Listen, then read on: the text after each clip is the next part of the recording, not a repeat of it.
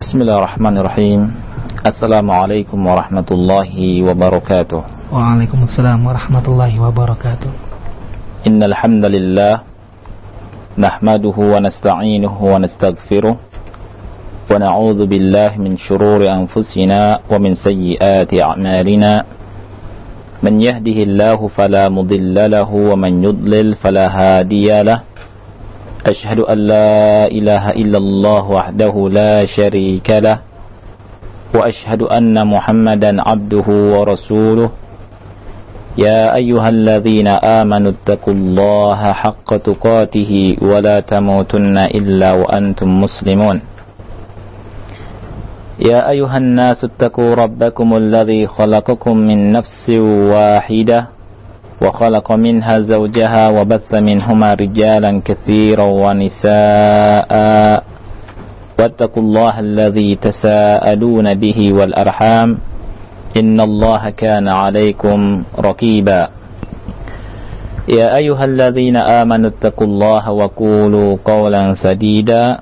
يصلح لكم أعمالكم ويغفر لكم ذنوبكم. ومن يطع الله ورسوله فقد فاز فوزا عظيما. أما بعد فإن أصدق الحديث كتاب الله وخير الهدي هدي محمد صلى الله عليه وعلى آله وسلم وشر الأمور محدثاتها فإن كل محدثة بدعة وكل بدعة ضلالة وكل ضلالة في النار ثم أما بعد Ikhwati fillah, para pendengar Radio Roja yang Allah muliakan Kita akan melanjutkan pembahasan kitab Manzumatu Usulil Fikhi wa Qawaidihi yang ditulis sekaligus disyarah oleh Fadilatul Syekh Al-Allamah Al-Faqih Al-Usuli Al-Syekh Muhammad Ibn Salih Al-Uthaymin rahimahullahu ta'ala.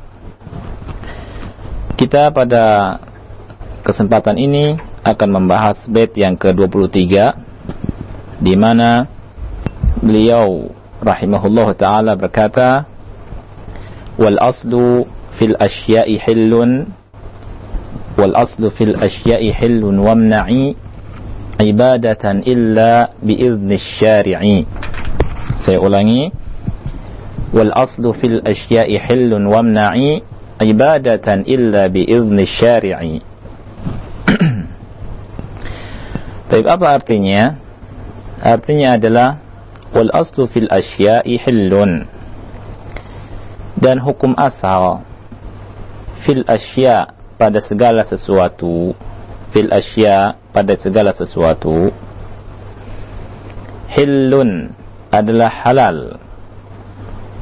Wamna'i ibadatan illa biizni syari'i.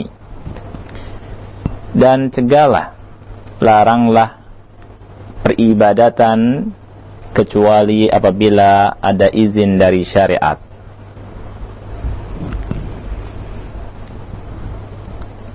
Syekh Muhammad Ibn Salah Uthaymin rahimahullah ta'ala berkata dalam syarah dari bait ini Lama takallama anil muharramati nasaba an yudhkara ma huwa al-aslu halil aslu fil asya'i al hillu awil aslu fil asya'i al man'u tatkala beliau berbicara tentang hal-hal yang diharamkan maka nasabah cocoklah di sini artinya sesuai untuk disebutkan mahual asl untuk disebutkan hukum asal. Halil aslu fil asya'i al-hillu awil aslu fil asya'i al-man'u. Apakah hukum asal dalam segala sesuatu itu adalah halal atau hukum asal dalam segala sesuatu itu adalah terlarang? Ini sebuah kaidah yang sangat besar sekali yang hendaknya para pendengar Allah muliakan kita memperhatikan kaidah ini kemudian kita terapkan dalam kehidupan kita. فبين في هذه القاعدة أن الأصل في الأشياء عموما الحل بخلاف العبادات فالأصل فيها المنع إلا إذا أذن بها الشرع maka beliau menjelaskan di dalam kaidah ini di dalam kaidah ini bahwa hukum asal dalam al-asya hukum asal dalam segala sesuatu secara umum adalah halal. Berbeda dengan hukum asal dalam masalah ibadah. Ya. Al-aslu fil ibadati al-hazru. Hukum asal dalam masalah peribadatan adalah terlarang. Ya. Beliau berkata fal aslu fiha hukum asal dalam masalah peribadatan-peribadatan adalah al-man'u yaitu terlarang. Illa idza adzina biha syar'u. Melainkan apabila syariat kita mengizinkannya. Oleh karena itu beliau berkata wamna ibadatan illa biizni syari'i.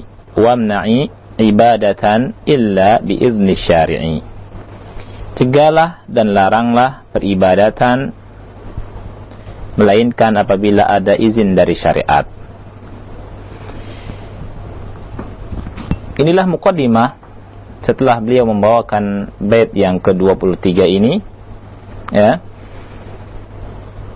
Kemudian beliau setelah memberikan dua paragraf yang isinya mukaddimah tentang masalah ini, beliau akan berbicara tentang lafad al-asya dari sisi bahasa. Ya. Beliau berbicara lafad al-asya dari sisi bahasa. beliau berkata rahimahullahu taala, qauluhu perkataan beliau al-asya al-asya lafad al-asya jam'u syai'in. Lafad al-asya, kalimat al-asya di dalam bahasa Arab adalah lafad jama' dari kata syai' dari kata syai' syai'un itu mufradnya musananya syai'an dan jamaknya adalah asya' Waqad kil dan telah dikatakan inna fiha i'lalan makaniyan. Di dalam lafad al-asya, di dalam kalimat al-asya ada i'lal makani. I'lal adalah sebuah ilmu ya dalam tatkala kita berbicara tentang mas, uh, sorof ya. Di sana ada pelajaran namanya i'lal.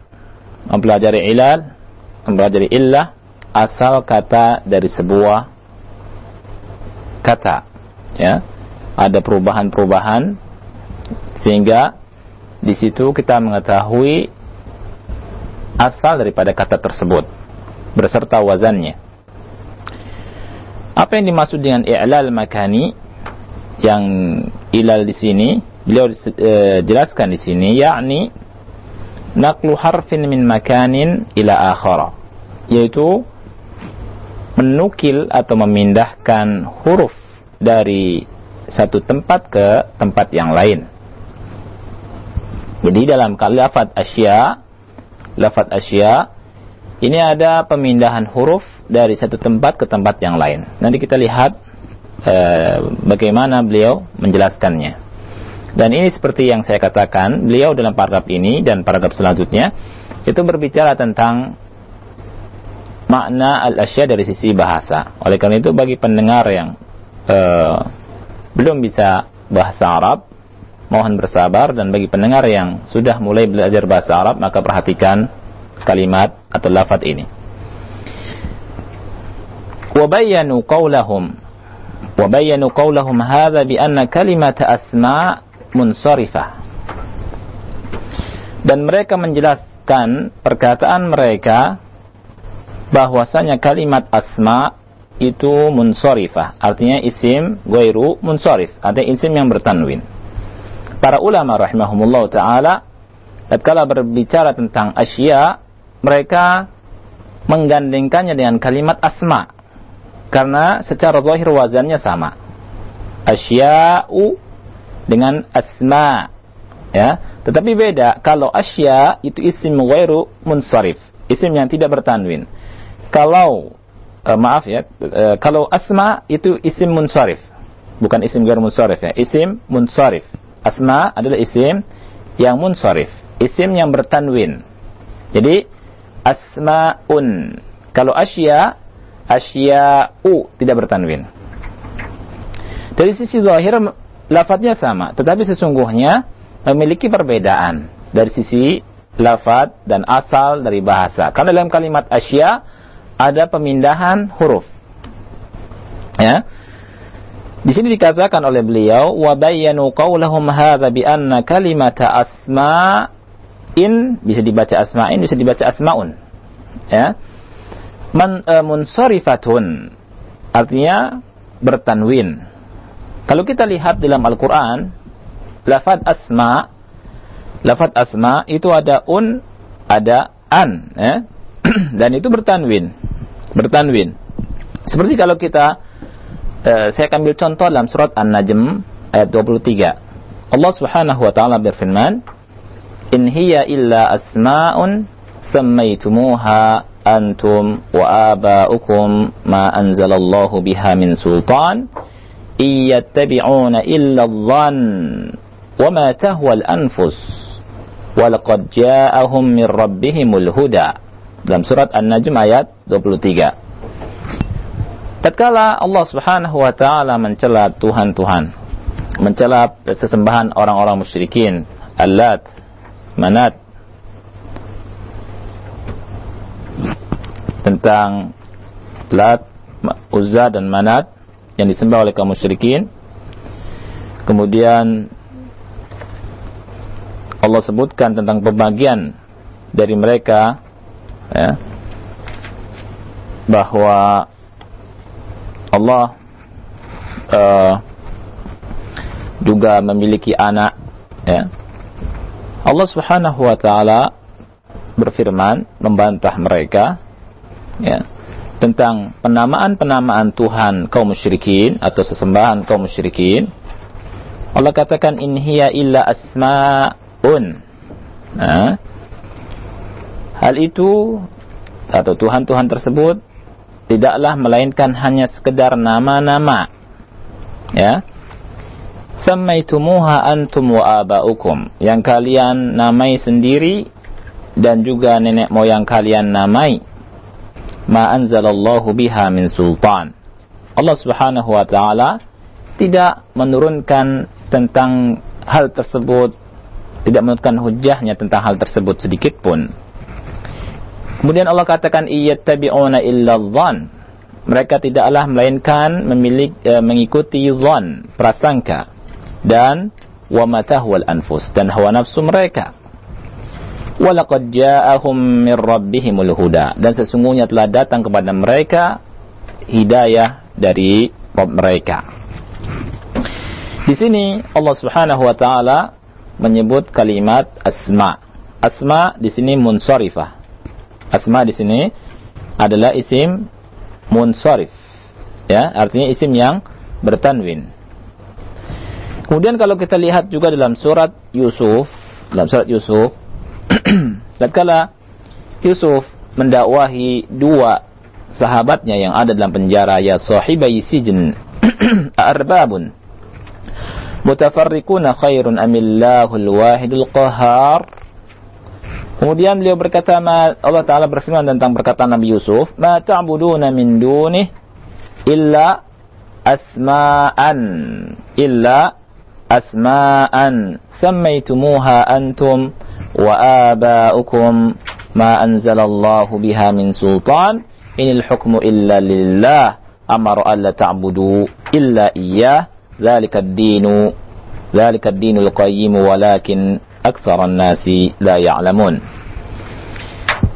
Di sini Allah Subhanahu wa taala berfirman, "Wa ma ta'buduna min dunihi illa asma'an."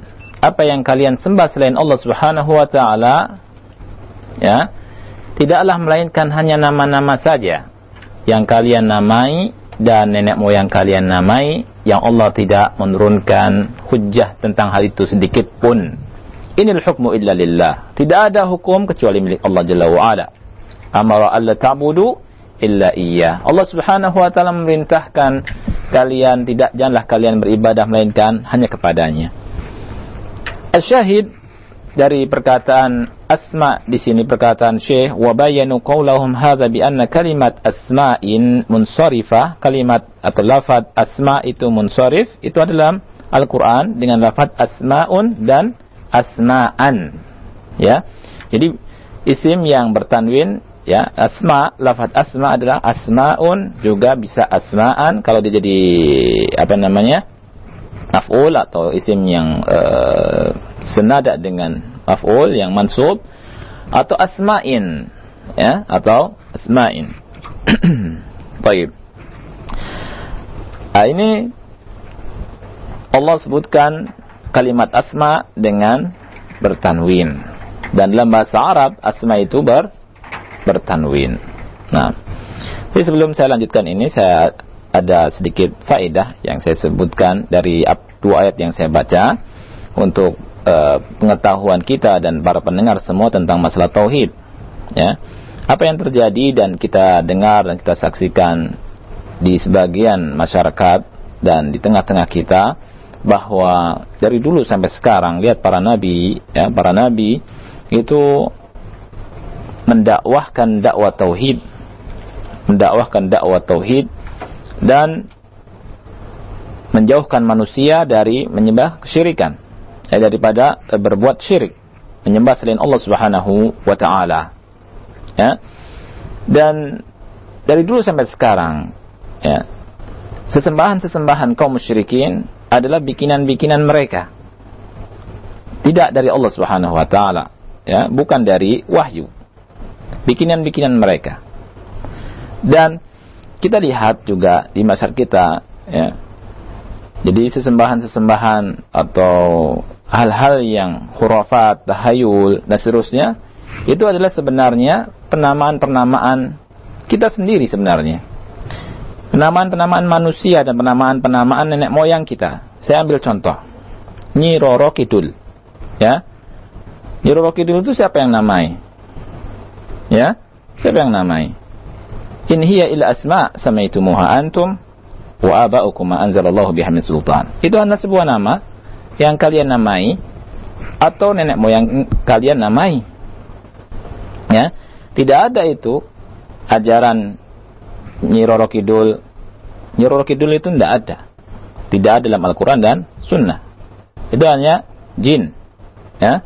Orang membuat nama-nama sendiri, kemudian ritual-ritual tertentu, kemudian mempersembahkan eh, sapi disembelih dilempar ke mana laut dan seterusnya. Dan juga sesuatu yang sangat memprihatinkan kita para pendengar Allah muliakan ya. Sebagian kaum muslimin di saya lihat eh, sebuah VCD ya VCD Kuala Lumpur ya. Lumpur Lapindo. Nah, itu ada acara ritual untuk memadamkan lumpur yang keluar itu dengan menyembelih sapi dan dilemparkan sapi ke ke lumpur tersebut. Wal Ini sebuah kesyirikan yang nyata yang hendaknya kita menjauhi hal tersebut. Itu adalah nama-nama yang kalian namai samaitumuha antum wa abaukum ma anzalallahu biha min sultan. Baik. Kita lanjutkan para pendengar yang Allah muliakan. Di sini Syekh Muhammad Ibn Salih Al-Thaymin rahimahullahu ta'ala berkata, وَبَيَّنُوا قَوْلَهُمْ هَذَا بِأَنَّ كَلِمَةَ أَسْمَاءٍ مُنْصَرِفَةٌ Para ulama menjelaskan perkataan mereka bahwa kalimat, kalau kalimat dalam bahasa Indonesia adalah kata. Bahwa kata atau lafad asma itu bertanwin. Kita lanjutkan. Wa kalimat wa kalimata asya asya'a ghairu munsarifatin. Ya. Dan kalimat atau lafad asya itu tidak bertanwin. Ya. Jadi tidak boleh kita menyebutkan asyaun. Yang benar adalah asya'u. Asya'u. Kalau asma asmaun, asma'an, asma'in. Kalau asya asya'u ya, asya'a Nah, nggak ada asya'i, nggak ada. Kecuali kalau ada alif lam. Al asya itu baru berkasrah. Baik. Uh, sebagai contoh dalam dalam dalam Al-Qur'an dalam surah Al-Maidah Allah Subhanahu wa taala berfirman ya Ya ayyuhalladzina amanu la tas'alu an asya'a in tubdalakum tasukum ya Allah katakan wahai orang-orang beriman la tas'alu. Janganlah bertanya ya kepada Nabi Muhammad SAW banyak hal tentang banyak hal. Itu di sini dikatakan dalam lafadznya. Saya berbicara tentang lafadz. Asya itu tidak bertanwin. Asya a. Asya a. Ya lihat di sini an. Dia yang menjarkan. Kalau bertanwin asya'in. Ya tapi di sini asya'a karena isim ghairu munsharif apabila kemasukan huruf jar maka jadi fathah sama seperti misalkan uh, marartu bi ahmada marartu bi Ahmada. Asalnya Ahmadu. Nah. Wajib kita lanjutkan. Ma'a mizana wahidun fi zahir. Padahal ya ma'anna padahal mizan timbangan timbangan kalimat asma dan asya itu sama secara zahirnya. Timbangannya satu, sama secara zahirnya, secara mata terbuka kita lihat ya zahirnya itu asma asya sama saja kan? Nah, depannya alif kemudian huruf yang kedua sukun kemudian huruf yang ketiga itu berharokat kemudian setelahnya apa? Ada alif. Nah lakin akan tetapi qalu mereka berkata asya'u asluha syai'a ya syai'a ya Kalimat asya adalah asalnya syai'a. Nah, ya. Fafiha alifut ta'nitsil mamdudah. Di dalamnya ada alif ta'nis yang dipanjangkan. Nah, ini dalam ilmu uh, saraf ya. Ilmu lughah lakin nukilatil hamzatu ila awalil kalimati. Walihada waznu asya laf'a. Ya. Akan tetapi dinukil dipindahkan hamzahnya kepada awal kalimat syai'a hamzah yang kedua itu eh hamzah yang sebelum terakhir itu dipindah ke depan jadi ash ya ah, gitu kan. Kemudian oleh karena itu wazan dari asya bukan fa'la tetapi laf'a ya, kalau wazan asma itu wazannya fa'laun kalau wazan asya, kalau misalkan ditanya, apa wazan asya? Wazannya bukan fa'la'u, tapi laf'a'u. Laf'a'u. Jadi, lam fi'ilnya ke depan, fa fi'il, kemudian ain fi'il. Kan mestinya fa'ala. Kalau ini, lam fi'il, fa, fa fi'il, ain. Nah, baik. Selesai sudah satu satu paragraf berbicara tentang masalah asal dari kata asya. Kita lanjutkan. Fa'asya adalah kalimatun amatun. Ah, baru beliau sekarang berbicara dari sisi makna. Dari sisi makna. Fa'asya, kalimat asya atau lafad asya adalah kalimatun amatun. Kalimat yang umum. Ya. Waqad kil dan telah dikatakan inna a'amma syai'in kalimatu syai'. Inna a'amma syai'in kalimatu syai'in. Sesungguhnya sesuatu yang paling umum adalah lafaz syai'. Jadi tidak ada lafaz yang paling umum mencakup semua hal kecuali lafaz syai'. Ini menurut orang Arab. Baik. Oleh karena itu kalau kita terjemahkan sesuatu. Syai'un itu sesuatu. Nah, sesuatu kan mencakup semua hal. Sesuatu. Nah. Baik. Kenapa Alasannya adalah li'annaha tashmulul mawjuda wal ma'dum wal a'yana wal awsafa wal manafi'a wal af'ala wal mu'amalati wal adati wa ghairal aqili fa kullul asya'i al aslu fiha al hillu. Nah, karena lafad uh, syai atau kalimat asya itu mencakup sesuatu yang mewujud, sesuatu yang ada, dan mencakup juga sesuatu yang tidak ada. Mencakup juga a'yan, a'yan ini zawat, zat ya. Mencakup juga sifat, mencakup juga kemanfaatan-kemanfaatan, mencakup juga af'al, perbuatan-perbuatan, mencakup juga muamalat, mencakup juga hukum adat, ya mencakup juga yang alim, mencakup juga yang tidak alim, mencakup juga yang berakal dan mencakup yang tidak berakal. Ya. Fakullul asya maka segala sesuatu setiap asya al aslu hukum asalnya hukum asalnya adalah al hil. Hukum asalnya adalah halal. Nah, kemudian beliau akan berbicara tentang al-farq bainal a'mal wal a'yan. Apa perbedaan antara amal dan zat? A'yan.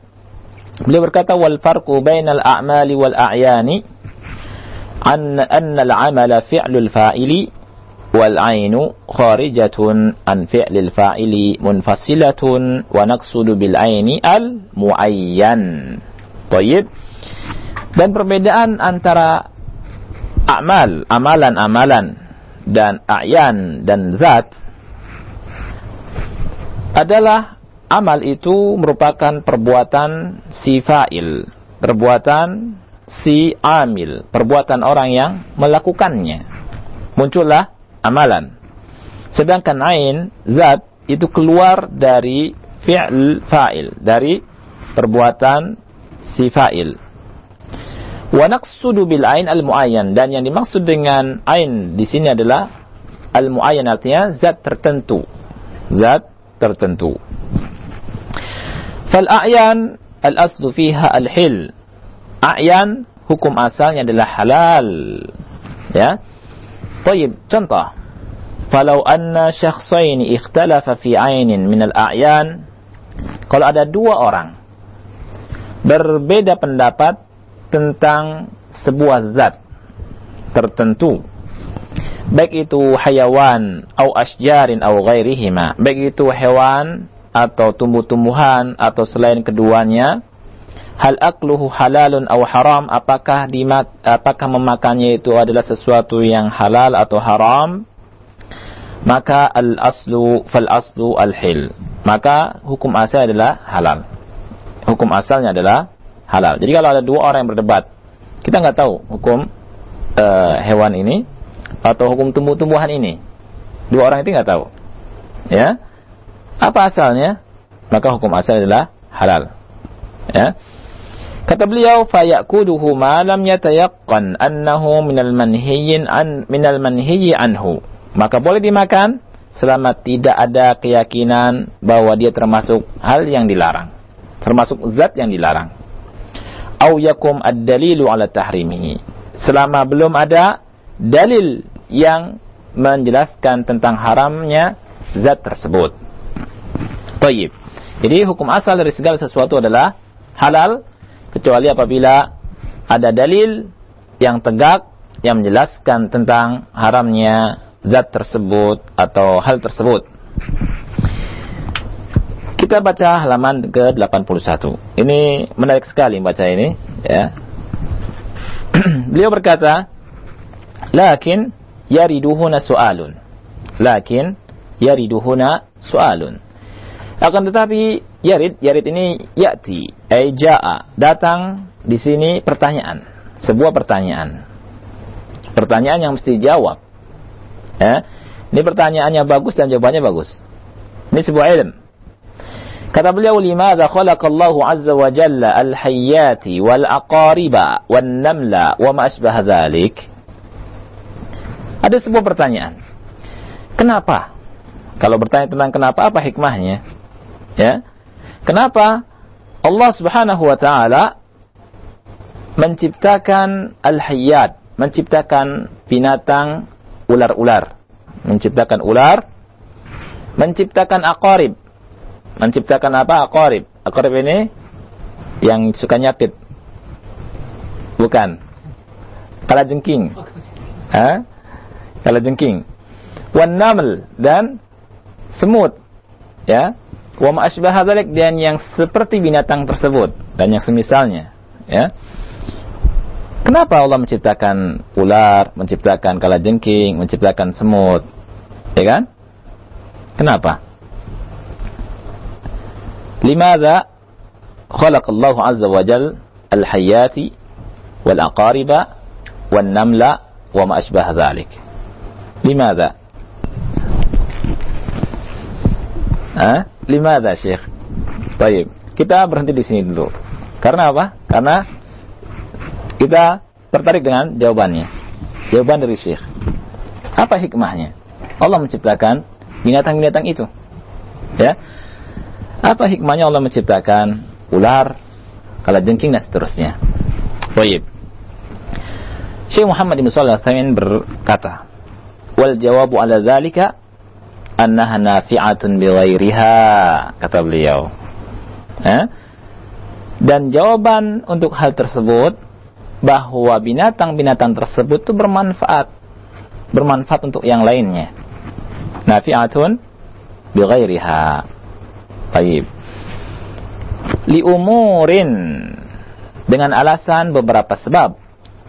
Dengan alasan beberapa perkara. Di sini ada empat perkara yang disebutkan oleh Syekh Muhammad Ibnu Shalih Al yang menunjukkan tentang keluasan ilmu beliau dan yang menunjukkan tentang kefakihan beliau dan menunjukkan bahwa kita ini butuh membaca kitab para ulama agar kita terbimbing tentunya dan agar kita mendapatkan ilmu.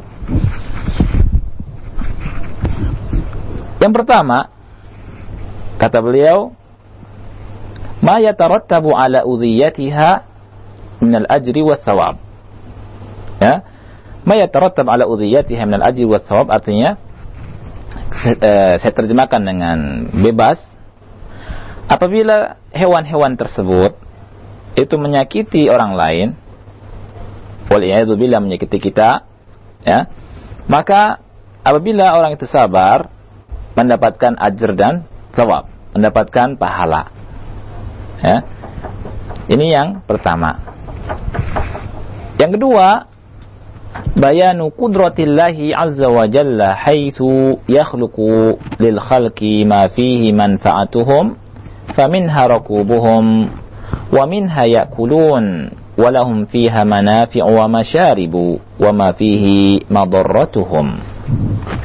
Penjelasan yang kedua adalah penjelasan tentang kekuasaan Allah, maha mampunya Allah Azza wa Jal, di mana Allah menciptakan bagi makhluknya menciptakan sesuatu yang bisa memberikan manfaat untuk mereka. Dan juga bisa memberikan menciptakan sesuatu yang bisa memudaratkan mereka. Sesuatu yang memberikan manfaat adalah dijelaskan oleh Allah Subhanahu wa taala dalam surat Yasin ayat 72 dan 73 Allah taala berfirman wa minha rakubuhum wa minha yakulun wa lahum fiha manafi'u wa masyarib Allah menjelaskan dalam surat Yasin ini tentang ciptaan Allah dari ciptaan eh, hewan-hewan yang ada yang Allah tundukkan untuk manusia. Di antara hewan tersebut ada yang rukubuhum. Ada yang ditunggangi seperti kuda ya dan yang lainnya. Wa min hayakulun dan ada yang dimakan dagingnya.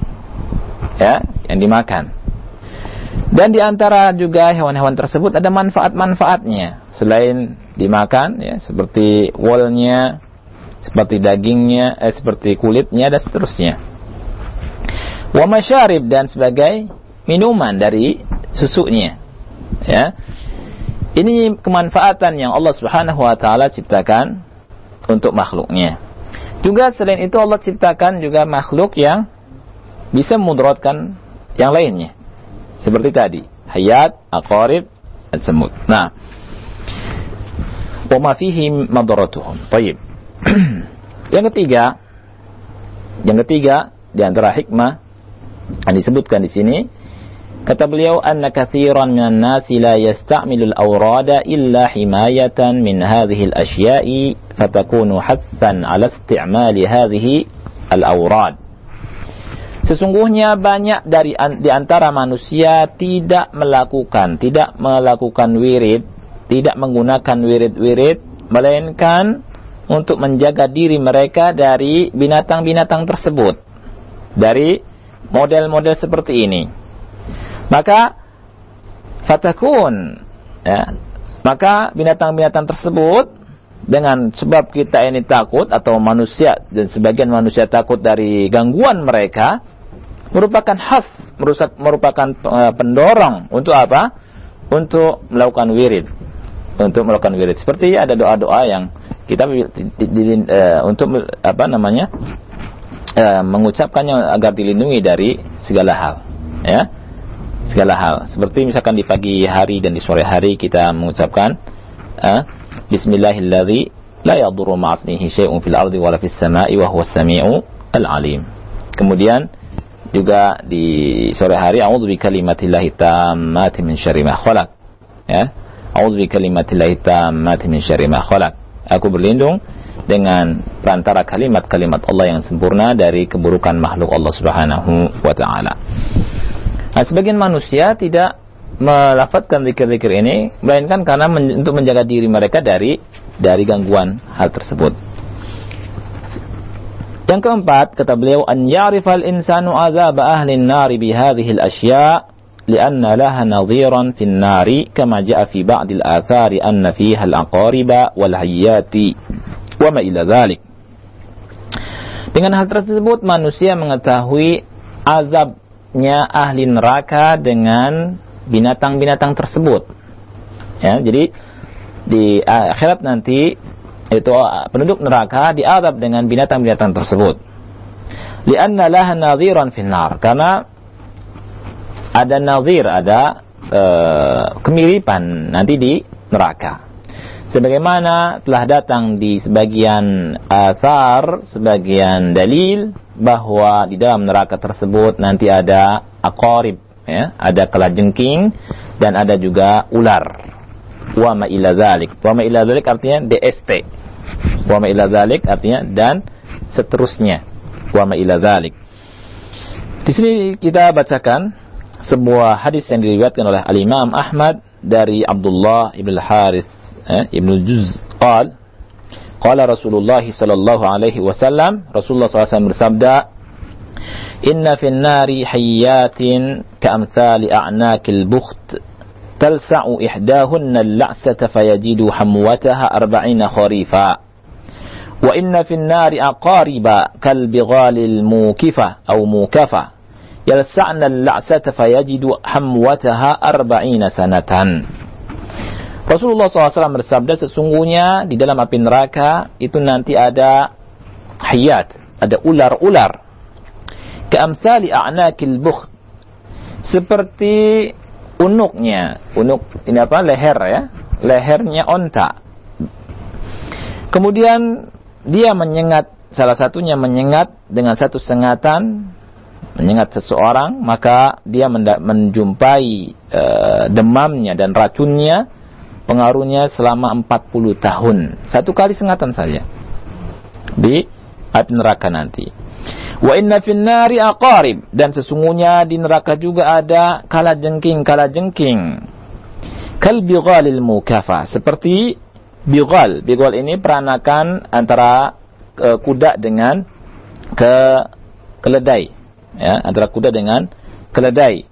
Seperti bighal yang seperti anak peranakan ini yang yang yang yang apa berpelana ya yasa'na al-la'sata fayajidu hamwataha arba'ina sanatan. Dan e, kalajengking kalajengking yang besar ini di akhirat di api neraka itu apabila melaksa yalsa tadi apa menyengat seseorang maka dia mendapatkan sengatannya, racunnya dan ras, e, pengaruhnya panasnya, kemudian demamnya itu selama 40 tahun. Nah, jadi ini jawaban apabila ada pertanyaan, kenapa Allah Subhanahu wa taala menciptakan binatang-binatang seperti itu? Ya. Jadi e, jawabannya adalah empat hal yang disebutkan oleh Syekh Muhammad bin Shalih taala. Kita lanjutkan. Beliau berkata al-manafi'u al-aslu fiha al-hil. kemanfaatan-kemanfaatan yang masuk dalam segala sesuatu ya dalam segala sesuatu hukum asalnya adalah halal hukum asalnya adalah halal ya. hukum asalnya adalah halal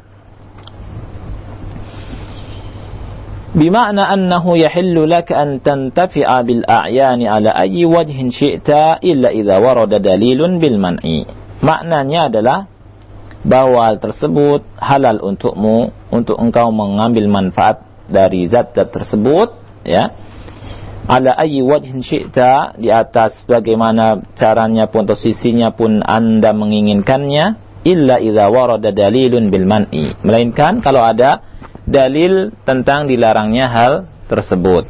Nah, kalau qala qailun apabila ada yang berkata, apabila ada yang berkata, ana uridu an arkabal baqarata wa usafir 'alaiha lakulna al-aslu al-hillu. Eh?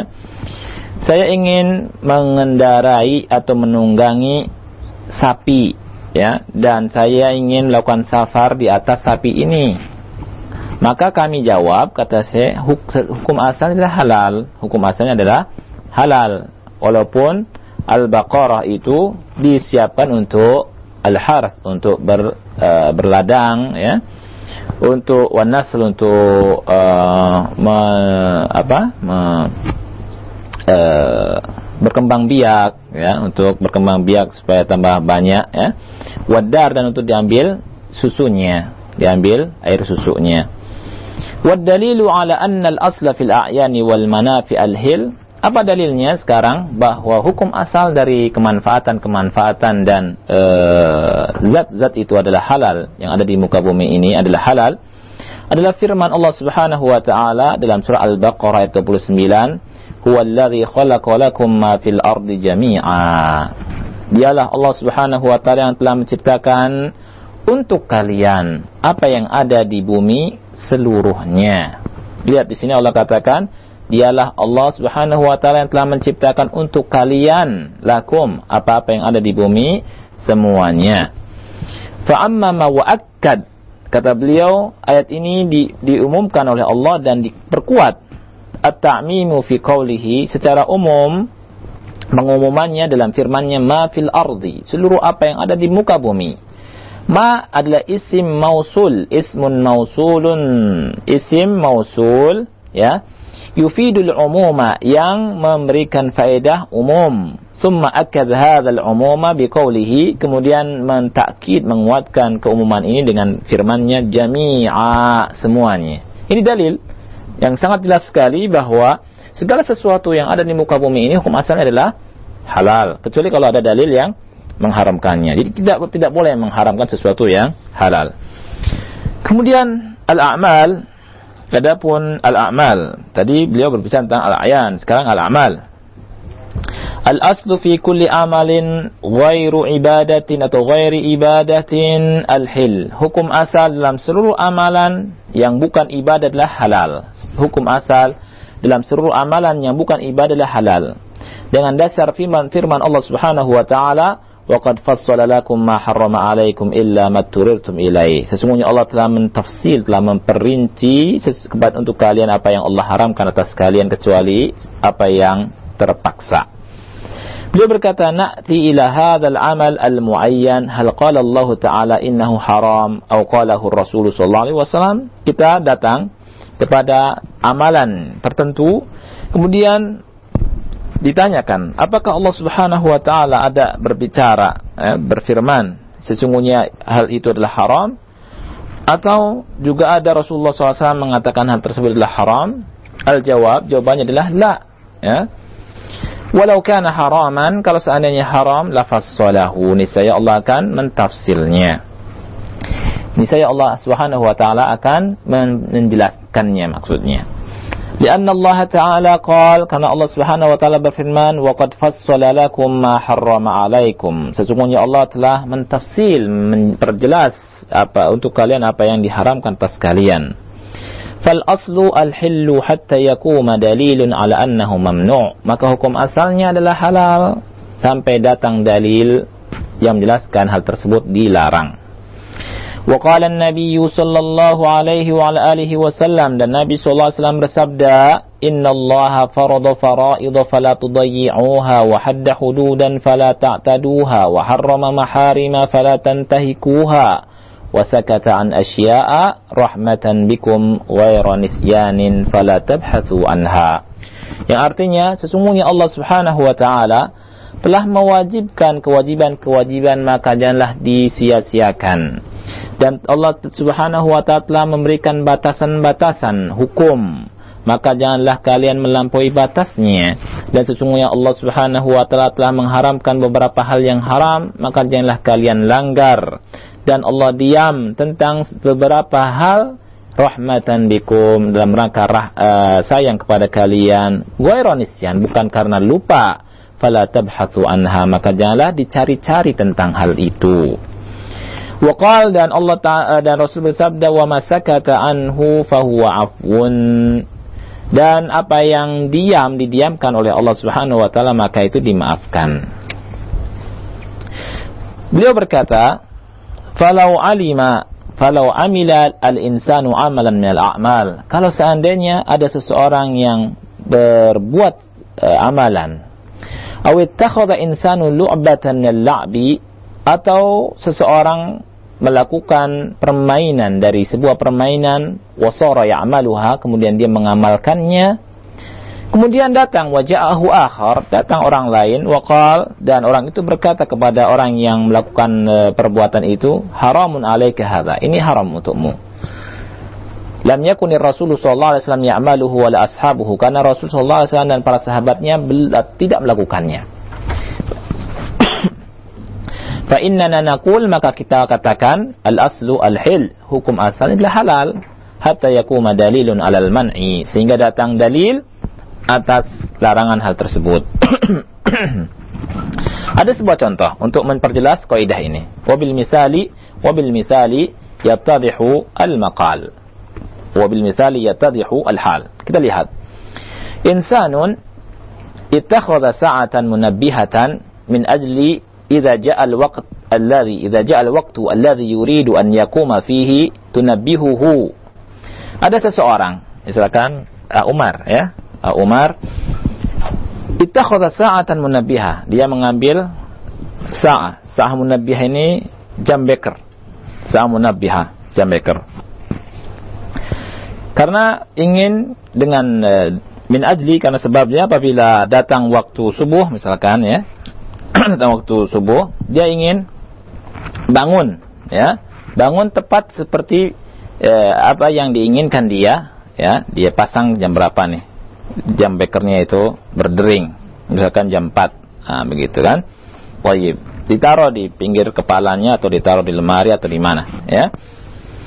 Kemudian ada orang yang tahu, dia berkata faqala qailun nas. Ada yang berkata seorang berkata dari manusia, la taf'al. Jangan lakukan wahai Umar misalnya begitu ya. La taf'al, jangan lakukan. Ijal indaka dikan yunabbihuka lis-shalah. Oh, jangan pakai itu, jangan pakai jambeker. Tapi apa? Ambil saja ayam jago ya supaya bisa bangunkan engkau wahai Umar untuk sholat subuh kan gitu. Apa alasan orang ini? Di anna Nabi sallallahu alaihi wasallam kana yakumu idza sami'a sawta as-sarikh yakni ad-dik wa amma hadhihi as-sa'fa haramun. Ya, dia berkata dalilnya ha, karena Nabi sallallahu alaihi wasallam itu bangun kalau mendengar suara ayam berkokok ya adapun hadhihi sa'ah adapun jam beker ini haram nah, karena Nabi SAW tidak menggunakannya nah, Famadha naqulu lahu? Nah, kata Syekh Utsaimin, maka apa yang kita mesti katakan pada orang ini? Ya? Apa jawaban kita kepada orang ini? Ya? Kan betul tuh. Dalilnya apa? Karena Nabi SAW tidak pakai jam beker, pakai ayam. Ayam, berkokok. Ya, baik. apa kita katakan? Nakul kita katakan. Aina dalil? Mana dalilnya? Ayo. Ngomong sebagai dalil. Ya tidak? Aina dalil? Hat dalil. Mana dalilnya? Jangan asbun, asal bunyi. Kalau asal bunyi bahasa Arabnya orang Mesir suka bilang mutom-tom. Iya. Baik. Eh, dalil. Mana dalilnya ya, Mas? Kan itu. Ya. Al-aslu al-hil. Hukum asal adalah halal. Hukum asal adalah halal. Wahal indaka dalilun. Apakah engkau punya dalil? Anna Nabiya sallallahu alaihi wasallam bahwa Nabi sallallahu alaihi wasallam huwa afdalul bashari wa ahabbuhum lil khairi wal yusri. Apakah engkau punya dalil bahwa Nabi sallallahu alaihi wasallam dan Nabi ia adalah orang yang manusia yang paling afdal, manusia yang paling cinta kepada kebaikan dan yusr kepada kemudahan, eh? Lau kana indahu mithla hadhihi. Kalau misalkan ya, Nabi punya jam beker ini, di sisi Nabi ada jam beker, apakah antum tahu Nabi melarangnya? Ya? Jawabannya apa? Lah, jawabannya tidak. Karena ini bagian dari dunia. Oleh karena itu perhatikan. Itu ada orang yang mengatakan ini radio roja itu suka bid'ahkan lagi bid'ah, lagi bid'ah. Ini orang ini nggak nggak ngerti. Nggak ngerti permasalahan agama, ngomong, eh? Yang bid'ah itu kalau berbicara masalah agama. Jadi kalau masalah uh, dunia, mobil, pakai mobil, pakai pesawat, ya, uh, tidur di kasur, rumahnya beda, itu bukan bid'ah ya akhi. Ya. Nah, ini jawabannya lah. Tayyib. Ada permasalahan lagi. Nanti ya. Satu lagi, satu contoh lagi, nanti kita tutup. Karena permasalahan ini bait yang ke-23 ini agak panjang. Jadi saya minta kesabarannya untuk juga ah Umar ya untuk menemani kita. Jadi uh, ada contoh lagi. Kata beliau hina zahara mukabbirus sauti fi salati wal khutbati qama ba'dun nasi wa qala hadha haramun la yajuz. Tatkala muncul yang namanya mukabir saut mikrofon ya di sholat dan untuk khutbah bangkitlah sebagian manusia dan berkata hadza haram la yajuz ini haram ini tidak boleh hadza haramun la yajuz eh? apa alasannya dia bilang lam yakunin nabiyyu sallallahu alaihi wa ala alihi wasallam yakhtubu bi mukabbiris sauti wa la yusalli bihi hmm, alasannya apa karena Nabi sallallahu alaihi wasallam itu kalau khutbah tidak pakai mikrofon. Juga kalau sholat nggak pakai mikrofon. Eh, ini bid'ah, nggak boleh, haram, la yajuz. Eh? Gitu ya. Baik. Fanaqulu lahum, maka kita jawab untuk mereka kata Syekh Utsaimin ya. Al-aslu al-hil. Hukum asalnya adalah halal. Walau kana hadha mawjudan fi ahdi Rasul sallallahu alaihi wa ala alihi wasallam lakana yubihu dhalika hasba ilmina bi syariatihi wa yusriha wa samahatihi wa samahatiha. Kalau seandainya hal ini ada ya, mikrofon ini ada di zaman Rasul sallallahu alaihi wasallam, niscaya Rasul akan membolehkannya, kata Syekh. Dengan sebab apa? Dengan sesuai dengan ilmu kita, sesuai se, se, se, apa? hasba ilmina, sesuai dengan pengetahuan kita tentang syariat beliau dan tentang kemudahan syariatnya dan tentang sama hatiha artinya tolerannya mudahnya bal huwa amar al-abbas ammahu fi ghazwati thaqif kana qawiyya as-sawti an yunadiya fil qawmi faja'ala yunadi ya ashab ash-shajara ya ahla surati al-baqarah faraja an-nas. Ya. Bahkan bahkan Nabi SAW pernah memerintahkan Al-Abbas pamannya sendiri waktu pada perang Thaqif dan Al-Abbas adalah qawiyya sud, suaranya sangat kuat, lantang, ya, besar, lantang. Untuk menyeru kaumnya. Waktu itu kocar kacir, ya. Waktu perang Thaqif itu. Kemudian faja'ala yunadi dan Abbas ini memanggil-manggil, "Ya ashab syajara, wahai para sahabat yang dulu pernah berbaiat di bawah beat pohon ya beat ridwan itu. Ya ahla surat al-baqarah wahai ahla surat al-baqarah maka manusia kembali. Setelah mendengar suaranya al-abbas ini hukum asal adanya mikrofon kalau mau di dicarikan dalilnya. Kata Syekh tentunya ya. Kalau kita tidak uh, tidak ngerti kecuali belajar dulu. Nah, nah. Kemudian wa Abu Talha radhiyallahu anhu fi Khaybar amarahu Rasul sallallahu alaihi wasallam an yunadiya innallaha wa rasulahu yanhay yanhayanikum anil luhumul humuril ahliyah fa innaha ridsun. Kemudian juga ada Abu Talha radhiyallahu anhu di Khaybar. Rasulullah memerintahkannya untuk memanggil kaum dengan panggilan sesungguhnya Allah dan Rasulnya telah melarang kalian dari makan hewan keledai yang jinak keledai ahliyah ya. Ridsun karena sesungguhnya dia adalah ridsun ilatnya ridsun kemudian kemudian Abdullah bin Zaid bin Abdi Rabbih radhiyallahu anhu tatkala uh, mimpi azan melihat azan di tidurnya ya Nabi SAW berkata kepada beliau kepada Abdullah bin Zaid ya idhab fa'alkihi ala Bilal. Pergilah dan ajarkan kepada Bilal. Pergilah dan ajarkan kepada Bilal. Fa'innahu anda sautan minka. Karena sesungguhnya Bilal suaranya lebih lantang dan lebih keras darimu. Ya. Ini supaya Bilal azan. Ha? Taib. Terakhir, Perkara terakhir kemudian kita buka tanya jawab. Summa innahu laisa bilazimin lana. Kemudian tidak wajib bagi kita an natatallab al-adillah allati fiha talab syari'i li raf'i saud. Ya, kita mencari meminta dalil ya, dalil-dalil yang di dalamnya ada tentang meminta atau permintaan syariat untuk mengeraskan suara lakin akan tetapi hadza min babi taqwiyatil hukm. Ini dari sisi penguatan hukum. Wa illa fal aslu al hil. Ya hukum asal adalah halal. Hukum asal adalah halal. Jadi tidak lazim tidak mesti kita mencari dalil untuk untuk hal ini hal yang mubah, ya, hal yang halal. Taib, wallahu alam bisawab. Dan insyaallah kita lanjutkan ke depan lagi tentang masalah ibadah. Dan sangat menarik sekali ini tentang masalah ibadah karena beliau berpanjang-panjang berbicara sampai beberapa lembar tentang masalah ini agar kita mengetahui apa itu bid'ah sesungguhnya. Ya, karena banyak orang yang salah paham tentang bid'ah. Nah, Allah alam bisawab. Nah. Jazakallah khairan atas materi yang telah disampaikan oleh Antum Ustaz dan selanjutnya kami akan buka sisi soal jawab bersama guru kita Ustaz Abu Ala Kunedi Alsi Hafidullah Ta'ala dalam pembahasan kita akan tapi kami akan jeda terlebih dahulu dan setelah jeda berikut Anda bisa bertanya bersoal jawab dengan beliau أعوذ بالله من الشيطان الرجيم الذين يقولون ربنا إننا آمنا فاغفر لنا ذنوبنا فاغفر لنا ذنوبنا وقنا عذاب النار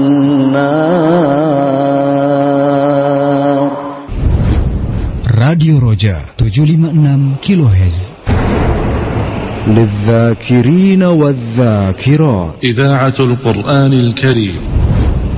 راديو دعوة أهل السنة والجماعة. القرآن. وبالحق أنزلناه وبالحق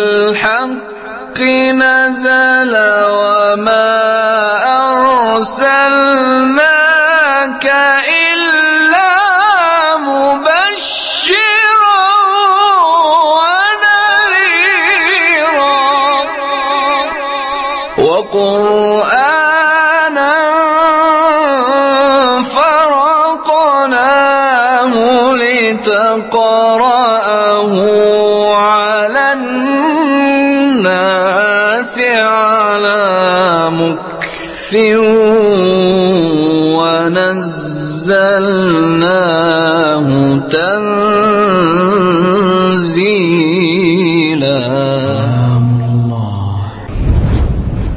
راديو رجاء 756 كيلو هز للذاكرين والذاكرات. إذاعة القرآن الكريم. راديو دعوة أهل السنة والجماعة. Assalamualaikum warahmatullahi wabarakatuh. Para pendengar semua telah kita simak bersama Satu pembahasan yang beliau angkat dari bait yang ke-23 Dalam kitab Manzuma Usul Fikih wa Qawaidi.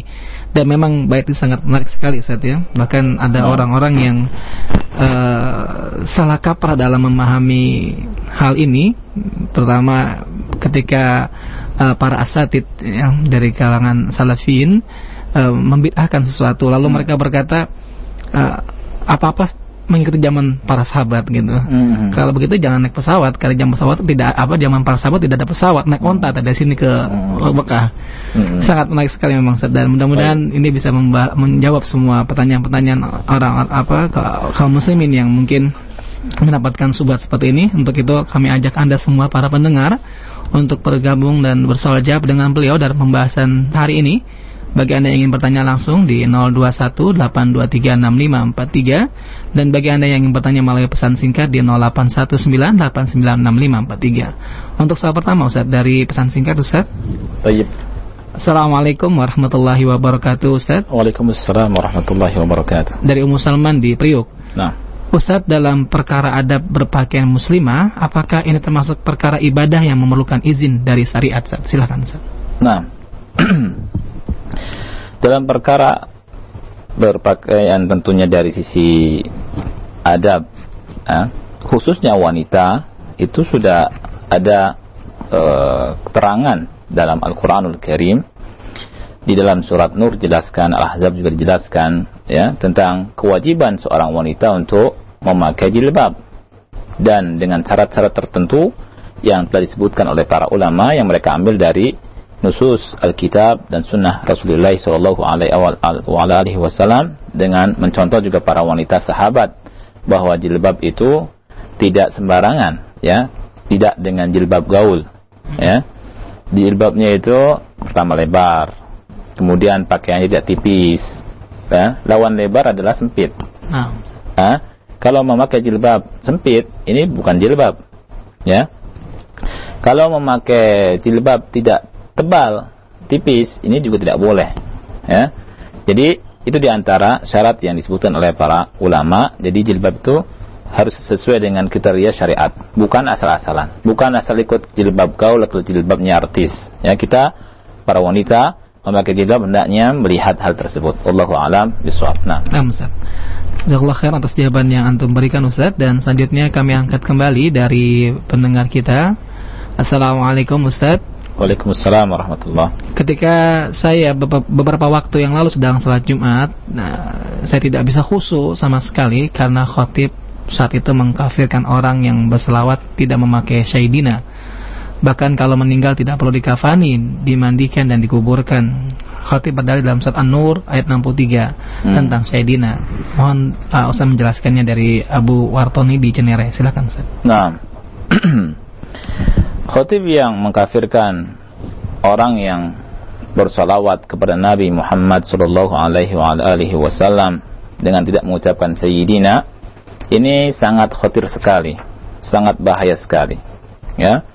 Dan tidak boleh bagi seorang khotib berbicara serampangan, berbicara serampangan apalagi sudah mengkafirkan. Ya. Barang siapa yang menuduh saudaranya Man qala lil akhihi ya kafir laqad ba'a bihi ahaduhuma. Barang siapa yang karena Nabi sallallahu alaihi wasallam barang siapa yang berkata kepada saudaranya wahai kafir itu bisa kembali kepada salah satu dari antara keduanya. Ya. Kalau yang dituduhnya tidak berhak kafir maka kembali kepada dirinya. Ini bahaya. Dan lisan kita harus hendaknya dijaga balik seorang khotib. Hendaknya dia berilmu. Kalau dia mengkafirkan berarti mengkafirkan tidak langsung para sahabat Rasulullah SAW yang membawakan hadis-hadis Nabi berupa salawat Nabi di situ tidak dijelaskan tentang Sayyidina. Di antara hadis Ibnu Abba, eh, Ibnu Mas'ud dan yang lainnya. Tidak dijelaskan di situ adanya lafaz Sayyidina ya. Di dia pakai dalil apa? Surat An-Nur ayat, surat An-Nur ayat 63 Ustaz. yang bunyinya La taj'alu du'aan Ma'akum ah, kad- ah, ya. hmm. Jangan sudah uh, memanggil uh, apa namanya Rasul Rasul seperti Hmm. sama memanggil uh, di antara kalian. di antara kalian. Ini tidak benar. Ini ini oh uh, ini nggak benar ya. Jadi itu betul. Dalilnya dalilnya ada. Nasnya seperti itu, tapi yang dipahaminya salah. Naam. Ya, memahaminya salah. Kita tidak boleh memanggil Rasul seperti memanggil eh, teman sendiri, memanggil kawan sendiri dengan keras, dengan bentakan dan seterusnya, tapi dengan eh, suara yang lembut, sopan. rendah, Hmm. yang sopan dan seterusnya, dengan penuh adab di depan Rasulullah SAW, sebagaimana para sahabat Rasulullah Shallallahu Alaihi Wasallam.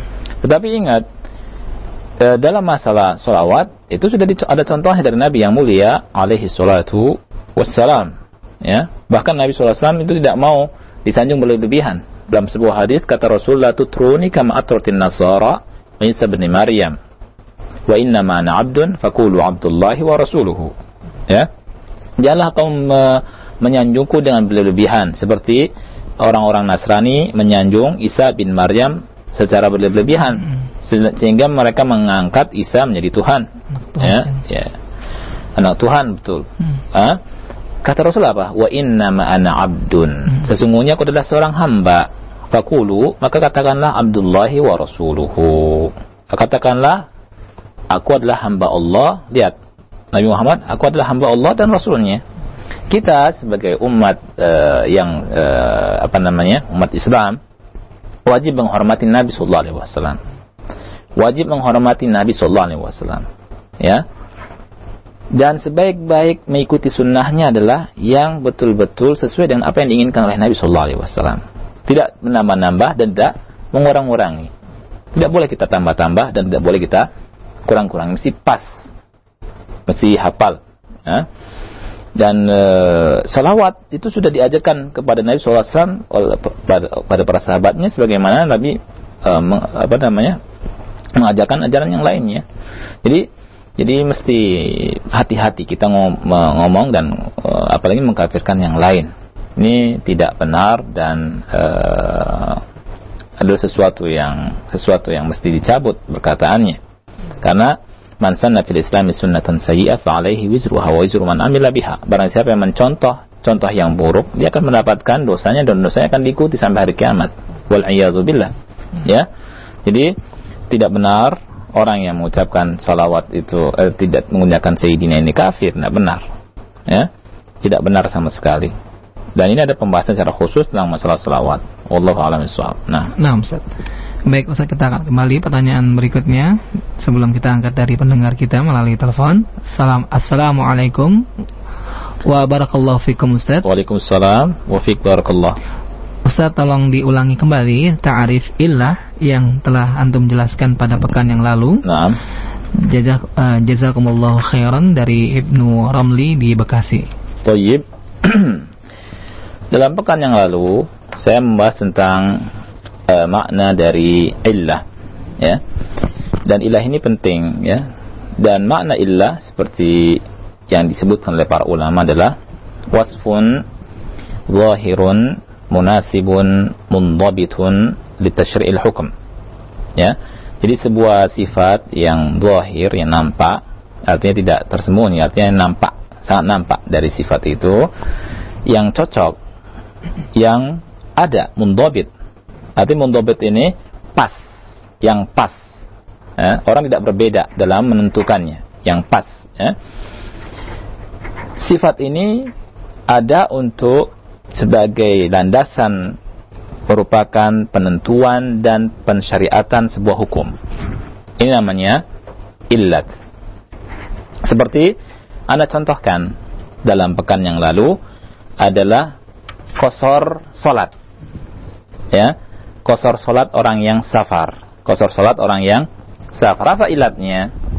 Ilat kosor eh, kosor solat orang yang safar, yang empat jadi dua rakaat, adalah apakah ilatnya ya sifatnya yang menyebabkan dikosornya solat itu adalah karena dengan sebab uh, masyakkah atau dengan sebab safar? Para ulama mengatakan ilatnya adalah dengan sebab safar. Apabila orang melakukan safar, seperti Ah Umar dari Jakarta pergi ke Surabaya, maka berhak bagi Ah Umar mengambil rukhsah ini, mengkosor empat rakaat jadi dua rakaat. Ada yang mengatakan ilatnya masyakoh, ini salah. Karena apa? Kalimat masyakoh orang berbeda-beda. Orang berbeda-beda. Mungkin bagi Ah Umar misalkan tidak masyakkah, tidak berat. Bagi saya berat. Bagi si fulan biasa-biasa saja. Kan begitu. Seperti ini ini ilat. Contoh yang lain. Contoh yang lain adalah eh, daging babi. Allah haramkan daging babi, apa ilatnya? Ilatnya adalah fa innahu rijz kata Allah. Fa innahu rijsun karena najis. Rijsun. Ya. Dan ilatnya bukan ada cacing pita di dalamnya. Karena ada sebagian orang mengatakan daging babi itu diharamkan karena dengan sebab adanya cacing pita di situ. Nah, ini nggak benar. Karena kalau suatu saat cacing pita ini bisa dibunuh, bisa mati dengan misal alat tertentu atau dengan sebab tertentu, ya, ini hukumnya nggak berubah, ya. Tapi kalau misalkan cacing pita ada sebuah ilat, kalau nggak ada cacing pita jadi berubah ini hukumnya. Jadi daging babinya tidak halal. Wal'iyadzubillah. Ya, tidak benar. Jadi ilat jadi di, di, diharamkannya daging babi adalah karena apa? Karena rijs. Karena rijsun Allahu alam bisawab. Ini makna ilat yang Anda jelaskan pekan yang lalu. Allahu alam bisawab. Baik Ustaz, kita akan kembali eh, maaf, kita akan angkat pertanyaan dari pendengar kita yang pertama. Halo. Assalamualaikum. Waalaikumsalam warahmatullahi wabarakatuh. Silakan Pak, di dari mana dan siapa? Dengan Agus di Cikarang, Pak Ustaz. Iya, silakan. Iya, mau nanya, Ustaz. Kalau apa yang dibilang waliullah itu seperti apa, Ustaz? Soalnya kan ada orang yang mengatakan bahwa waliul- waliullah itu orang yang mendapatkan karomah, terus Hmm. katanya dia itu bisa mengetahui kematian orang. Itu gimana, Ustaz? Iya. Menurut Islam. Itu Pak Ah. Ustaz. Assalamualaikum. Waalaikumsalam warahmatullahi wabarakatuh. Silakan Ustaz. Ya. Yang dimaksud dengan waliullah adalah seperti apa yang dijelaskan oleh Al-Imam Ibnu Hajar Ibnu Hajar rahimahullah taala dalam kitab Fathul Bari dan dulu juga eh, Syekh Utsman Khamis pernah eh, menjelaskan hal itu. Ya, yang disebut dengan waliullah adalah al-alimu billah, orang yang alim tentang Allah, mengetahui siapa Allah Subhanahu wa taala. Kemudian orang yang al-mukhlis fi ibadatihi, orang yang ikhlas dalam beribadah kepada Allah Subhanahu wa taala dan al-muqimu ala taatihi, orang yang senantiasa berada dalam ketaatan Allah Subhanahu wa taala. Adapun eh, karomah bukan eh, definisi wali Allah. Itu adalah hadiah saja karomah itu. Jadi wali Allah bisa muncul dari wali Allah ada karomah, bisa juga tidak tidak ada karomah yang tampak kan gitu. Jangan sampai adanya karomah ini jadi wali Allah. Apalagi tadi disebutkan bisa mengerti hal apa? Kematian meng- kematian. Ini tidak benar. Tidak benar. Jadi kata Allah dalam Al-Quran bahwa seseorang tidak akan sanggup tidak mengetahui kapan dia mati dan di mana dia mati. Ya. Dan kematian ini hanya milik Allah Subhanahu wa taala. Jadi haram hukumnya kita meyakini dan keyakinan yang sesat ini. Kalau ada keyakinan seperti ini, buang dari hati kita. Secuil pun jangan ada. Kita yakin bahwa tidak ada yang mengetahui hal yang gaib karena kematian hal yang gaib. Qul la ya'lamu man fis samawati wal ard al ghaiba illallah. Katakanlah tidak ada yang mengetahui hal yang gaib di langit atau di bumi kecuali Allah Subhanahu wa taala. Hal kematian termasuk hal yang gaib. Jadi bahwa waliullah dilihat dari sini itu salah dan itu bukan waliullah. Ya, itu bukan waliullah. Da- Dan juga jangan tertipu dengan orang-orang yang punya kelebihan. Punya kelebihan ya sebagaimana perkataan Al-Imam Syafi'i rahimahullah taala, "Idza ra'aitumur rajula yatiru fil hawa aw yamshi 'alal ma fala taktaru bihi hatta tu'ridu amrahu 'alal kitabi wa sunnah." Apabila engkau melihat seseorang yang bisa terbang di udara, bisa berjalan di atas air, maka jangan tertipu. Fala taktaru bihi hatta tu'ridu amrahu 'alal kitab was sunnah sehingga mencocokkan perkara orang ini di atas Al-Qur'an dan sunnah Nabi yang mulia alaihi salatu wasalam. Kalau perbuatan orang ini sesuai dengan Al-Qur'an dan sunnah, maka mungkin dia wali. Kalau misalkan justru malah menyelisih Al-Quran dan Sunnah Nabi yang mulia alaihissalam bahkan banyak bid'ahnya, maka pasti dan yakin dan pasti seribu kali pasti itu bukan wali. Itu wali syaitan. Ya, wali syaitan. Jadi kita hendaknya jangan tertipu dengan hal-hal seperti itu. Wali Allah seperti yang dijelaskan oleh para ulama adalah orang yang alim billah, orang yang mukhlis dan orang yang selalu melakukan ketaatan. Wallahu a'lam bishawab. Ustaz. Baik, Ustaz. Baik Ustaz, kita akan angkat kembali pertanyaan berikutnya dari pendengar kita. Halo. Assalamualaikum. Waalaikumsalam warahmatullahi wabarakatuh. Dengan siapa Ukti dan di mana? Eh, dengan lina. Iya, silakan. Eh, saya mau nanya mengenai penggunaan jilbab. Tadi sempat disinggung ya. Iya. Eh, apa batas-batas penggunaan jilbab itu sebenarnya hanya khusus kalau kita keluar rumah atau Hmm. juga eh, di dalam rumah gitu. Hmm. Terus kalau umpamanya aktivitas kita misalnya 95% ada di dalam rumah cuma kali-kali butuh keluar sebentar ke mungkin ke halaman ke nggak jauh lah jaraknya gitu apa kalau keluar seperti itu juga wajib menggunakan jilbab Iya. gitu itu aja Ustaz Jazakumullah khairan Wah iya. Nah. Silakan Ustaz. Jadi batasannya memakai jilbab, ya, inti dari pertanyaan tadi tentang batasan memakai jilbab. Batasan memakai jilbab adalah tidak boleh kita menampakkan aurat kita kepada orang asing. Wanita tidak boleh menampakkan auratnya seorang wanita kepada al-ajnabi, rojul ajnabi, ya, orang laki-laki yang asing yang bukan mahramnya. Ya. Boleh ditampakkan kepada bapaknya, baru boleh. Ya, pada mertuanya baru boleh. Gak boleh kepada orang asing, kepada laki-laki lain gak boleh. Walaupun kepada ini yang baik yang salah pengertian ya. Walaupun kepada adik dari suami yang laki-laki atau kakak dari suami yang laki-laki ini nggak boleh dinampakkan auratnya. Ya, perlu perhatikan. Jadi, toib. Apakah di lu- keluar rumah atau di dalam rumah? Tadi permasalahannya apakah ada di situ laki-laki yang asing atau tidak? Kalau di luar rumah sudah iya. Kalau di luar rumah itu kita mesti pakai wanita mesti pakai jilbab. Kalau di dalam rumah, kalau di kamar, kalau tidak ada laki-laki lain maka tidak tidak pakai, dibuka tidak apa-apa. Ya, dibuka dan pakai pakaian yang wajar di rumah, ya. Tapi kalau eh, pertanyaan kedua, pertanyaan kedua, aktivitasnya di sekitar rumah. Berapa persen sampai berapa? 75 persen ya? Atau lebih dari itu ya? maka kalau misalkan dalam rumah tadi kalau misalkan ada laki-laki lain kemudian kita keluar teras itu pakai jilbab. Keluar teras di halaman itu pakai jilbab. Jangan dilepas jilbabnya karena kadang orang lewat. Lewat eh, kalau dilihat sama orang lain rugi ya kan jadi eh, tidak boleh kita menampakkan aurat di luar ya dan seorang wanita hendaknya pakai jilbab tatkala eh, ada orang lain adapun dalam rumah maka tidak mesti pakai jilbab tapi kalau misalnya di pekarangan rumah maka pakai jilbab sudah keluar rumah ya wallahu alam bisawab nah Nah, Ustaz. Baik, Ustaz kita akan angkat kembali dari pendengar kita. Halo. Halo, ya Assalamualaikum. Waalaikumsalam warahmatullah Dengan siapa Pak dan di mana? Pak Ahmad Jakarta. Iya, silakan Pak. Eh, begini Pak Ustaz, iya Eh, Rasulullah kan pernah mengatakan bahwa sholat malam itu tidak lebih dari 11 rakaat. Hmm.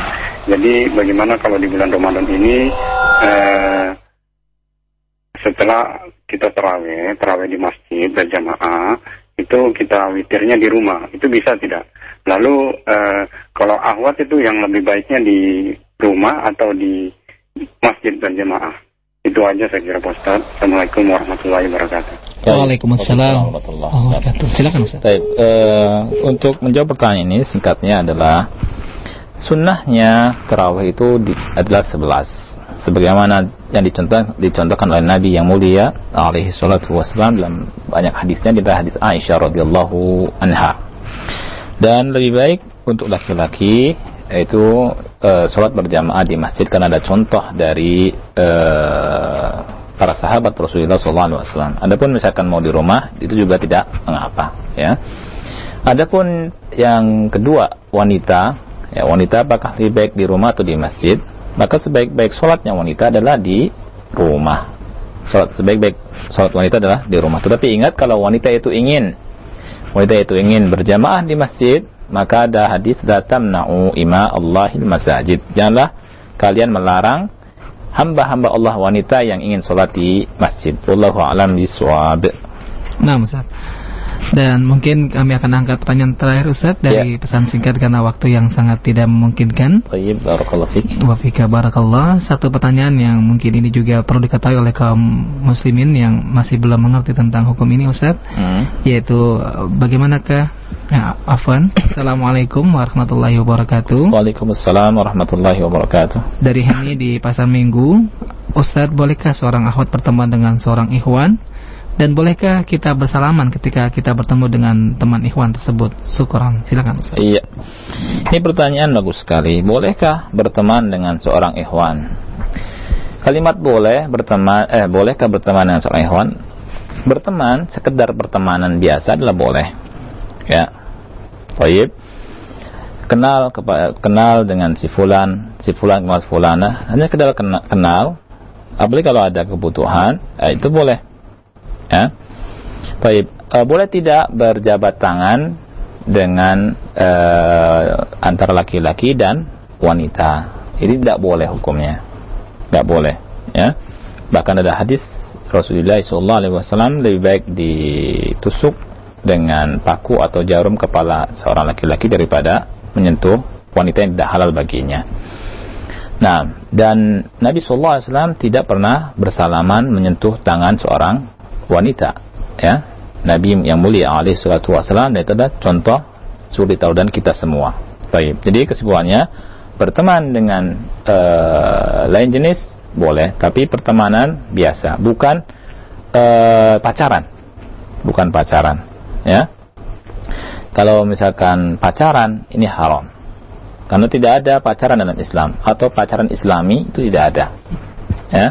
Jadi tidak ada pacaran dalam Islam dan dari sini perlu diketahui oleh semua yang mendengar baik itu bapak-bapak, ibu-ibu, remaja putra, remaja putri ya itu hendaknya memperhatikan masalah ini. Bagi yang bapaknya, ingatlah ayat Allah Subhanahu wa taala, ya ayyuhalladzina amanu qu anfusakum wa ahlikum nar. Wahai orang-orang beriman, jagalah dirimu dan keluargamu dari api neraka. Ya. Sedih kalau kita memperhatikan ya, anak-anak wanita begitu bebasnya dibawa, dihampiri oleh laki-laki, kemudian dibawa pergi ke sana kemari, tapi orang tuanya diam saja, cuek saja, tidak kehilangan. Tidak khawatir. Ya. Padahal pergaulan yang begitu dahsyatnya dan pergaulan yang begitu besarnya ya mempengaruhi anak-anak zaman sekarang ini. Mestinya dijagalah anak wanitanya. Mesti dijaga. Dan kalau memiliki anak laki-laki juga dijaga. Ya? Anak laki-laki janganlah berbuat e, macam-macam. Ya jangan nakalin anaknya orang. Ya jadi jaga itu. Mesti punya tanggung jawab. Kalau mau nikah bilang ya jangan pacaran. Atau belajar dulu yang benar ya. Jadi mesti perhatikan. Juga bagi ibu-ibu juga mesti perhatikan hal ini. Baik. Uh, ini yang mesti kita perhatikan semua kita tutup dengan membaca doa kafarat majlis. Subhanakallahumma bihamdika asyhadu an la ilaha illa anta astaghfiruka assalamualaikum warahmatullahi wabarakatuh